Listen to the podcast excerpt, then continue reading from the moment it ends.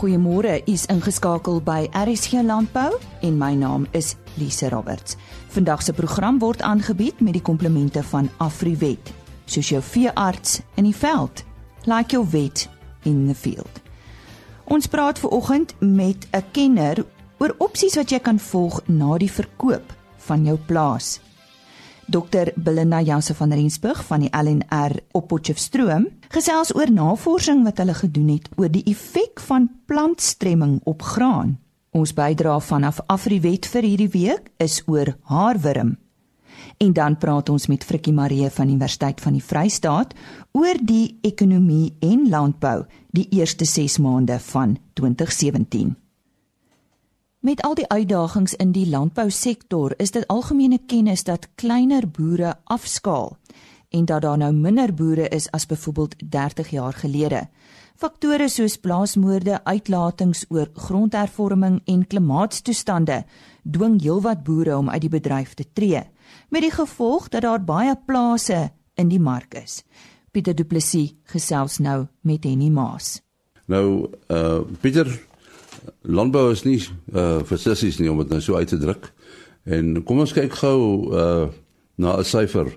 Daar's uh, 'n skokkende hoeveelheid plase in die mark. Hoekom dink jy is dit die geval?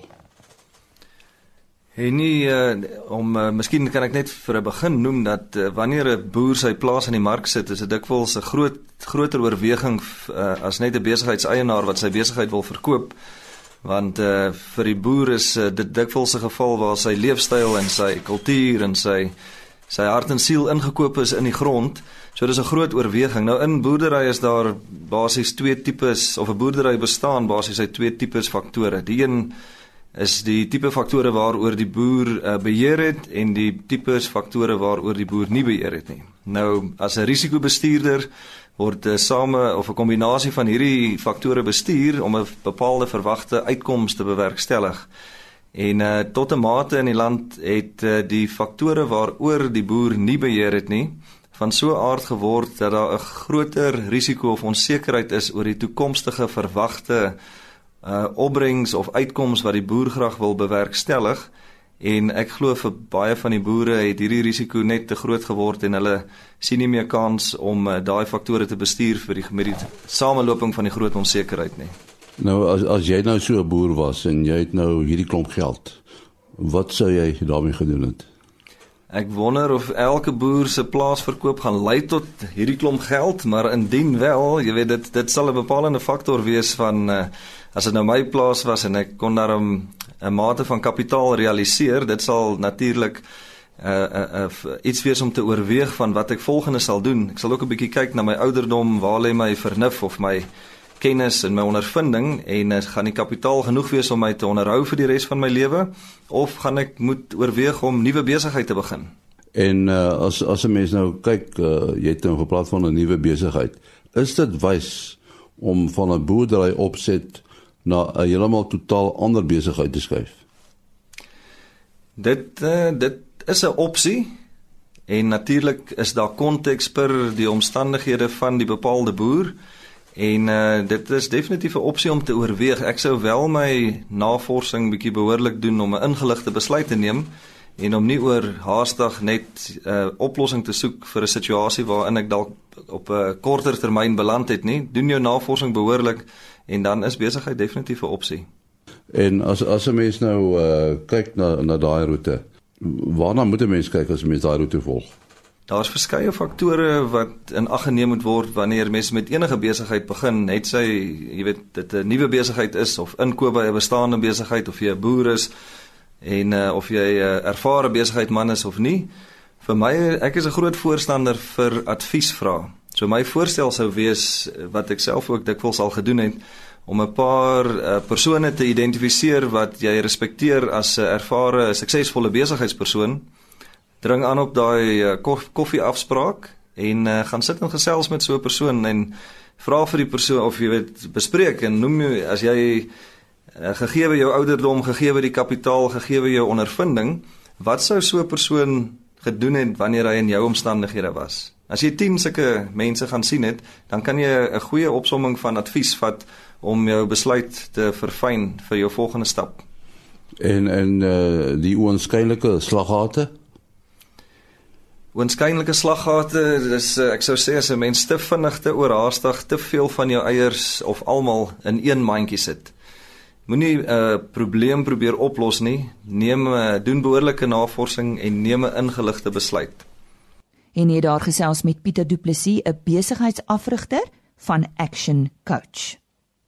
Volgende dokter Belinda Jasse van Rensburg, sy is 'n plantpatoloog by die LNR Instituut vir Graangewasse op Potchefstroom. Ag ek wil net 'n goeiemôre sê aan al die luisteraars en ek wil graag vir julle 'n bietjie meer vertel van die effek van plantstremming op Fusarium verticilloides kopvrot infeksie van mielies en dan die fumonisin produksie daarvan in graan. Ehm um, net om 'n vinnige inleiding vir julle te gee. Fusarium verticilloides is 'n swam en dit kan mielieplante enige stadium in die groeiproses infekteer. Hierdie swam kan dan nou byvoorbeeld wortel, stam of kopvrotte van mielies veroorsaak, maar dit kan ook 'n mikotoksin genaamd fumonisin in die grond produseer. So met ander woorde, dit is 'n gifstof wat deur 'n swam geproduseer word. Nou ek wil graag vir julle meer vertel van 'n navorsingsprojek wat tans deur die Militrust befonds word en ons kyk na die rol van plantstremming um, op die swaminfeksie in mieliekoppe en die fumonisin produksie. In hierdie projek het ons dan nou veral gekyk na plantdigtheid ehm um, asook te min of 'n oormaat van stikstof. Daar is dan nou veldproewe geplant ehm um, in Potchefstroom oor 'n tydperk van 3 jaar. Uh, dit is 2011 tot 2013. En ons het plantdigtere van 10000, 20, 30, 40 en 50000 gebruik ehm um, in eksperimentele blokke. Ehm um, nou die proewe en eksperimentele blokke was elke jaar op presies dieselfde plek geplant en daar was ook nie stikstof in die grond te gedien van die een jaar na ander nie om te verseker dat die stikstof geleidelik afneem.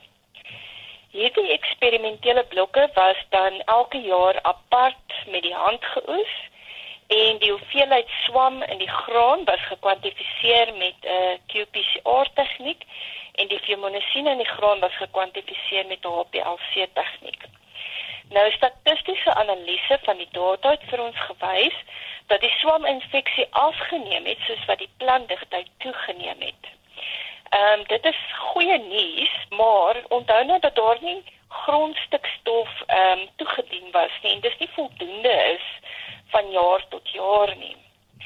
Ehm um, die klimaat hier het 'n baie groot rol gespeel en die hoogste swamvlakke was in die 2013 13 14 plantseisoen en fimonisine was hier gemeet bokant die toelaatbare 2 dele per miljoen vlak in die 20 tot 40 000 plante per hektaar ehm um, maar dit was nou net in die 2011 en 2012 seisoen.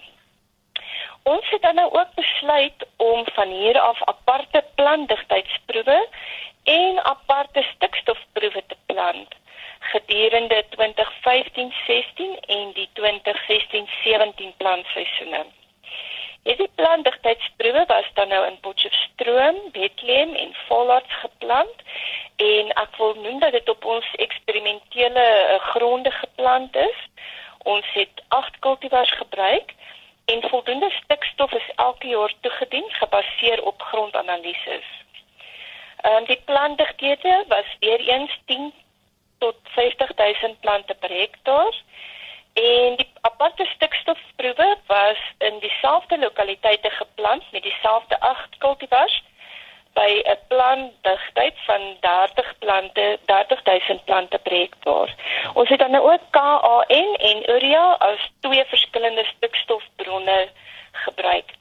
Na grondanalises het ons vasgestel dat die beskikbare stikstof in die grond 25 kg per hektaar was en volgens hierdie inligting het ons berekeninge gemaak om 'n verdere 50, 100, 150 en 175 kg per hektaar van elk van die KAN en urea in aparte eksperimentele blokke toe te dien. Die KAN en area is dan 3 weke na plan plantrye en die area was ingesny om verdamping te voorkom. Hierdie blokke was weer eens apart met die hand geoes en die swam inhoud asook fumonisin inhoud in die grond was gekwantifiseer. So Belinda, wat sê die data vir julle? Ons kan duidelik sien dat die omgewing 'n uh, oorwegende rol gespeel het in beide die swaminfeksie asook die monosin produksie in die mieligraan. Ons moet nou ook hier in ag neem dat die 2015-16 seisoen baie droog en warm was. Ek het dan nou ook weer data getrek en die gemiddelde maksimum temperature van November tot Junie in Bethlehem was byvoorbeeld 25 grade Celsius. In Potchefstroom was dit 28 en in Vaalhart was dit amper 32 grade Celsius. Die gemiddelde reënval in Bethlehem was 2.15 mm, in Potchefstroom 2.55 en in Vaalhart 1.47 mm. Nou die gemiddelde swaminfeksie asook vir monosine in graan was die laagste in Bethlehem, hoër in Potchefstroom en die hoogste in Vaalhart. Die swaminhoud in die graan in beide Potchefstroom en Vaalhart was baie hoog. Um, en kan die oorsaak wees van oesverliese en 'n afgradering in graan. Die fumonisinvlakke in Bethlehem was baie laag, maar in Potchefstroom het dit dikwels die toelaatbare 2 dele per miljoen vlak oorskry en in Vaalhart was dit selfs hoër as dit. Ons kon 'n tendens waarneem waar die swaminhoud in die grond vermeerder, soos wat die plantdigtheid vermeerder. Ehm um, in Bethlehem en Fort, maar in Potchefstroom was die swamvlakke baie hoër in die 10000 en 40000 plante per hektaar en beduidend laer in die 20 tot 30000 plante per hektaar. Daar was ook 'n beduidende toename in fumonisinus, soos wat die plantdigthede toegeneem het in Bethlehem en Potchefstroom Maar in Vaalhart was die hoogste gemiddelde fumoniesine gekwantifiseer by 'n plantdigtheid van 10000 plante per hektaar. Daar kom dit baie duidelik ehm um, kultivar verskille waargeneem word en een van hierdie agt kultivars het deurgaans baie hoë swam en fumoniesine vlakke gehad. Met die KN en area proewe was daar soortgelyk duidelike omgewingsverskille as by die plantdigtheidsproewe En oor die algemeen was die gemiddelde swambesmetting en fumonisin vlakke baie laer by die KAN toedienings as die urea. Daar was ook weer eens beduidende kultivar verskille wat die swaminfeksie asook fumonisine beïnvloed het. Ons is tans besig om die 2016-17 proewe te verwerk en ons sal dus die data saam met die huidige data analiseer. Ehm um, nou mense kan nou miskien vra wat beteken al hierdie inligting vir die produsent. Kom ons som dit vanaand op. Ons het nou gesien dat omgewingstoestande 'n baie belangrike rol speel in swaminfeksie en fumonisinproduksie. In stikstofarme grond neem die swaminfeksie in graan nie toe met 'n uh, toename in plantdigthede nie, alhoewel die opbrengs in elk geval in die slag van bly. Derdens, die swaminhoud in graan het toegeneem soos wat plantdigthede toeneem, maar onthou in die geval was daar genoeg same stikstof in die grond.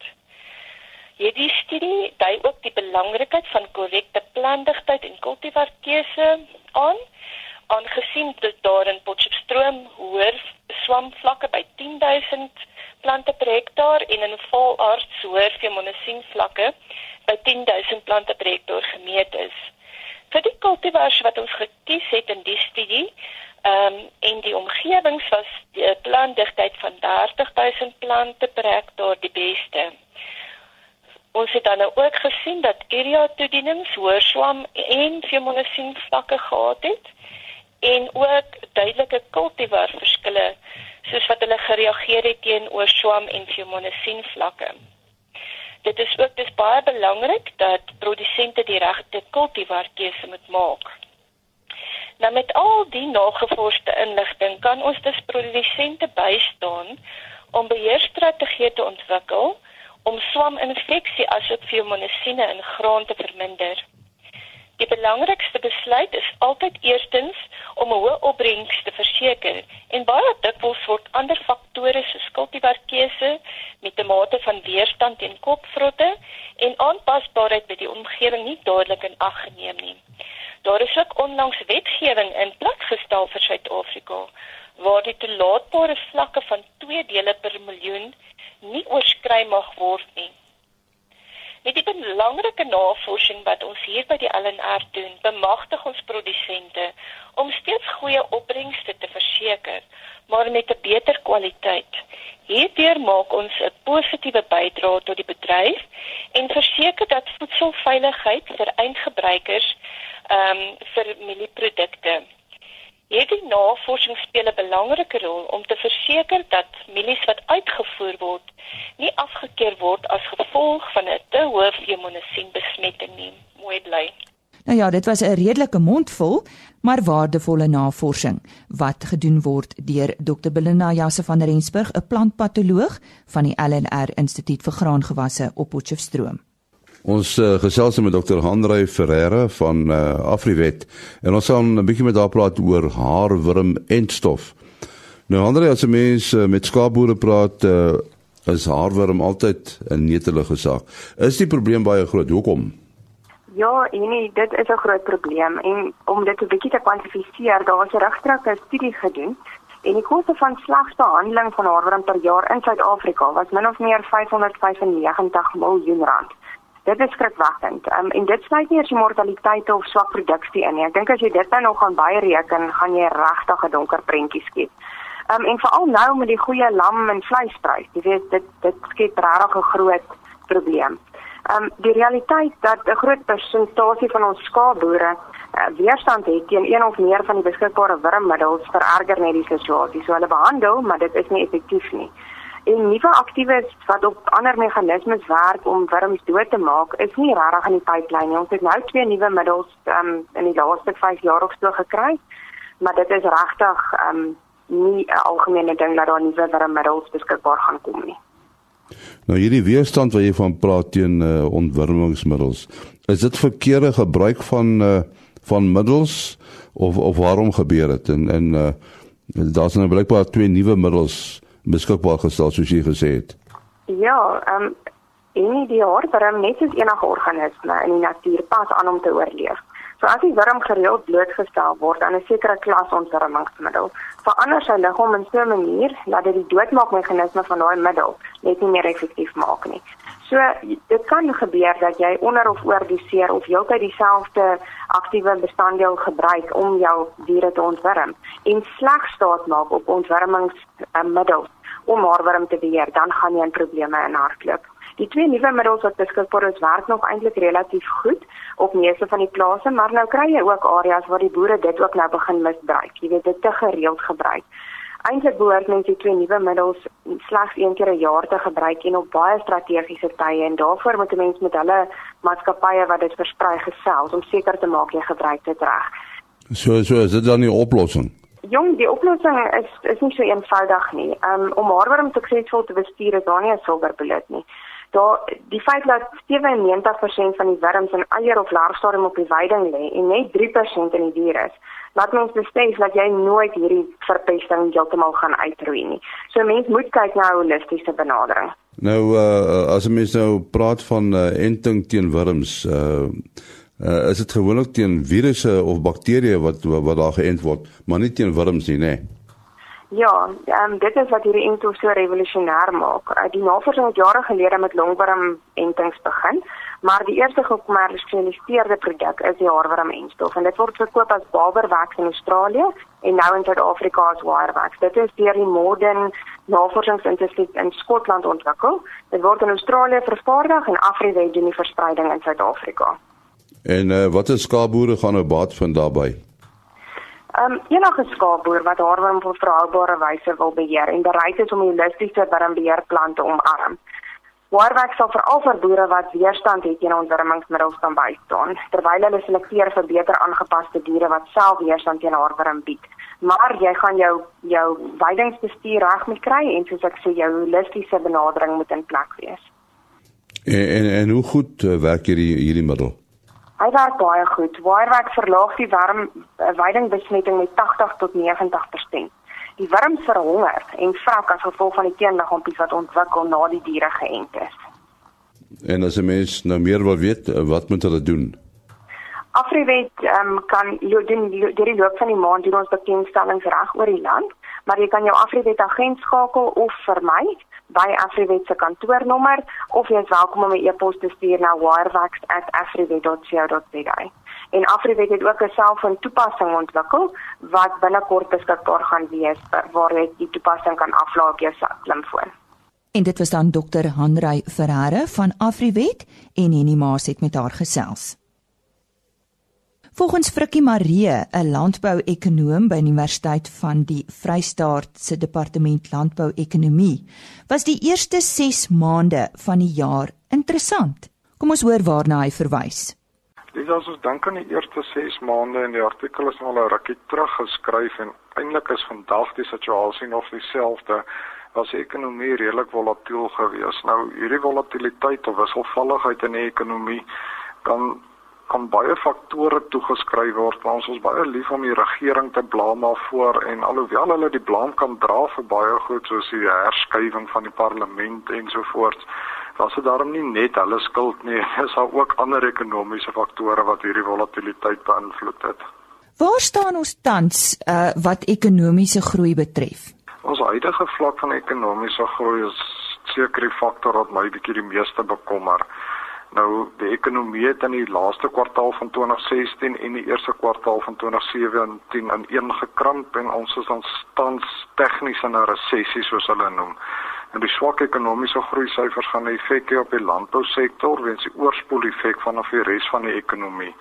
Nou in 'n resessie trek verbruikers gewoonlik swaar, maatskappye om betaal laer verhogings in terme van um, salarisverhogings ensovoorts en die verbruiker het dus minder geld om te spandeer en hulle om verander gewoonlik hulle voedselverbruikspatrone wat gaan beteken dat hulle minder geld op duurder proteïene ensovoorts gaan spandeer en goedkoper voedsel aankoop.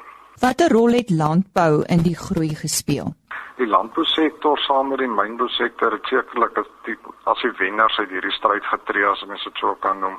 As jy vat die res van die ekonomie of die ekonomie in totaal het met 0,7% gekrimp in die eerste kwartaal van 2016 terwyl die landbousektor in dieselfde kwartaal met 22.2% gegroei het en mynbou was die enigste ander positiewe sektor wat 12.8% gegroei het. So die landbousektor saam met die mynbousektor het eintlik gehelp dat hierdie ekonomiese groei glad nie so laag of baie beter was as wat hy kon gewees het. Kom ons praat oor werkloosheid. Nou ons weet reeds dat die werkloosheidssyfer van 26+% ook 'n aanduiding is dat ekonomiese groei nie na wense is nie. Maar wat dink jy kan landbou se bydrae wees tot werkskepping?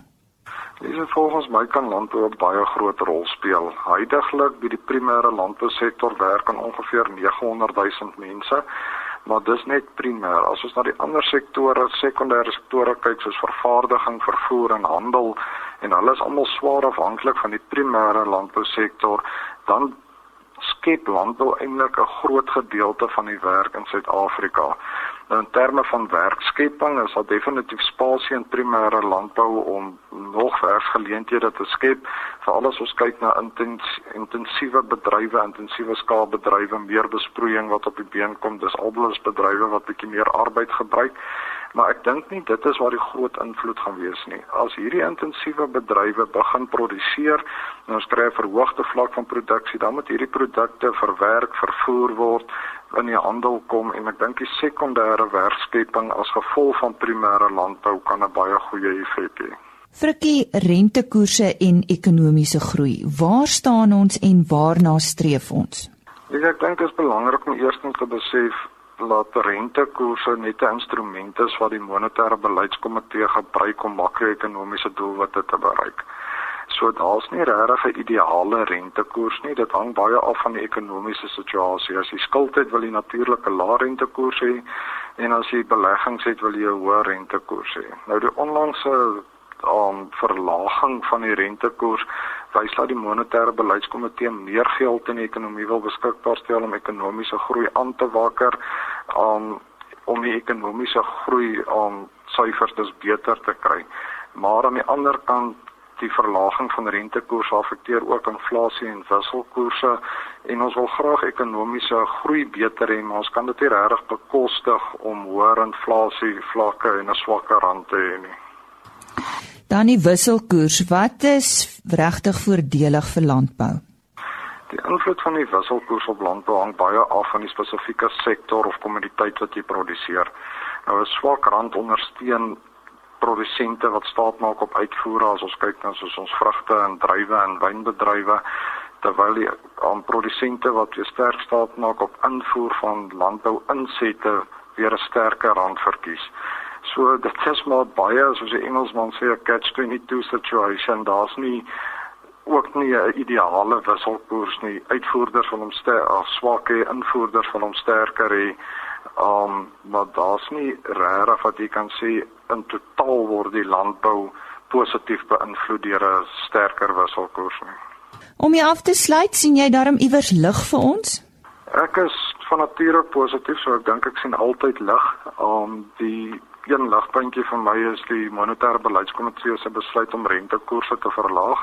Nou as jy luister na ekonome, baie dit veroordeel as 'n skuif wat te vroeg plaasgevind het en dat ons dit regtig nou kan bekostig maar vir my is dit 'n ligpuntjie op die pad na beter ekonomiese groei.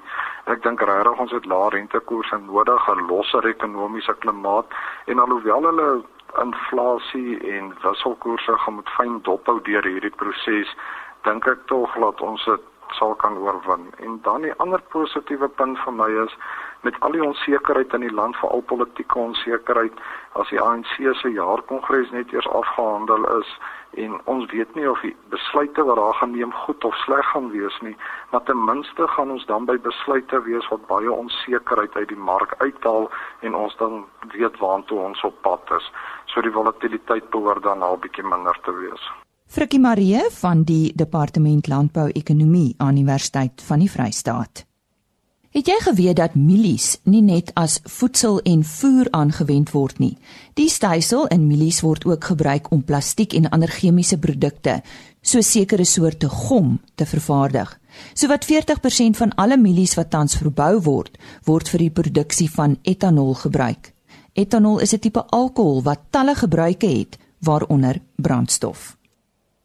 Dis dan so te sê die einde van vandag se RC landbouprogram wat aangebied is met die komplemente van Afriwet, soos jou veearts in die veld, like your vet in the field. Môreoggend, onthou, weer waarhede met Johan van der Berg en dan gesels hulle oor oseane wat die drywers is van klimaat. En die voorsitter van die RPO, Koos van der Ruyst, is ook aan die woord. Totsiens. RSG Landbou is 'n produksie van Blast Publishing. Produksieregisseur Henny Maas. Aanbieding Lisa Roberts en 'n notas koördineerder Jolande Rooi.